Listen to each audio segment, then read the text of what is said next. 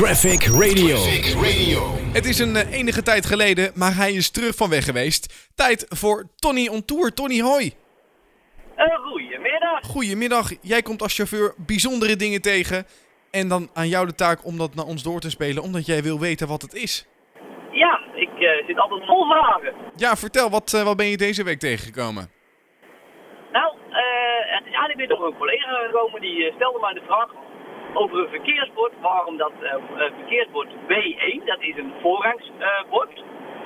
dat met geel van binnen en die witte van buiten. Mm -hmm.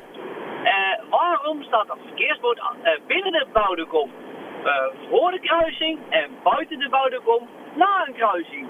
Nou, ik vind het een hele goede vraag en ik vind het vooral wel uh, leerzaam, omdat ik zelf nog geen, ik heb zelf nog geen rijbewijs. Dus eigenlijk van al die vragen die jij stelt, leer ik eigenlijk alleen maar meer bij. Um, uh, Tony, dit bord duidt erop dat je op een, uh, voorrangsweg bevindt. En wanneer je dus op die weg rijdt, betekent dat jij voorrang krijgt van links en van rechts. Dus dat is wanneer die binnen de bebouwde kom staat.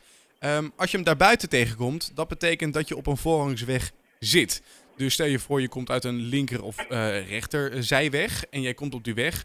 Dan komt een stukje daarna pas dat bord, zodat je weet dat je op een voorrangsweg zit. Oké, okay. nou, handig om te weten. Nooit ja. opgevallen, ja tenminste ik zag het wel, maar nooit geweten. Dankjewel. Ja, nou voor mij is hij ook aardig nieuw, dus ik wil je nou, toch bedanken voor deze vraag. Uh, wat trouwens ook handig is om te weten, je mag buiten de bebouwde kom op een voorrangsweg niet parkeren. Oké, okay, nou dan slaan we dat gewoon over en zoeken we gewoon een veilige parkeerhaven. Daarom. Hey, Tony, dankjewel voor je vraag voor deze week. We zien je volgende week uh, uiteraard graag terug. Dat is goed, ja? Succes op de weg, hè? Traffic Radio. Traffic Radio.